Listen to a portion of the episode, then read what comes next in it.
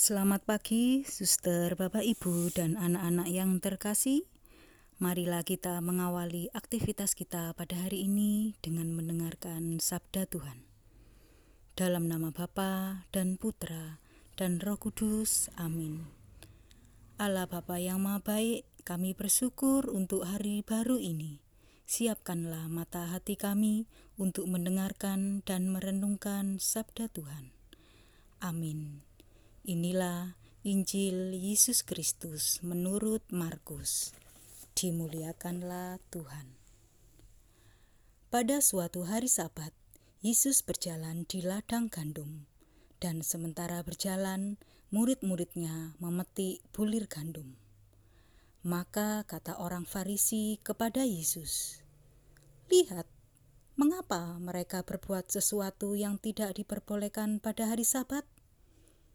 Jawab Yesus kepada mereka, "Belum pernahkah kamu baca apa yang dilakukan Daud ketika ia dan para pengiringnya kekurangan dan kelaparan? Tidakkah ia masuk ke dalam rumah Allah waktu Abiatar menjabat sebagai imam agung, lalu memakan roti sajian yang tidak boleh dimakan kecuali oleh imam-imam, dan memberikannya juga kepada pengikut-pengikutnya?"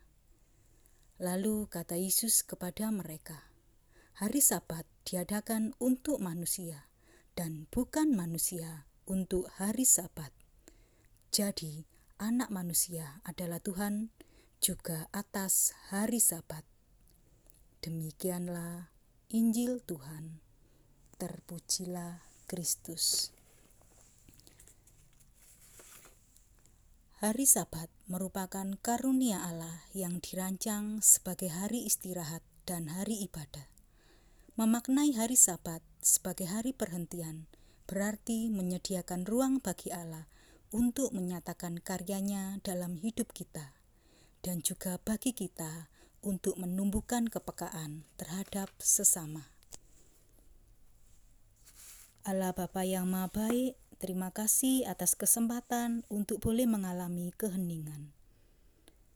Berkatilah segala aktivitas kami dalam kami belajar, mengajar, dan bekerja di sepanjang hari ini.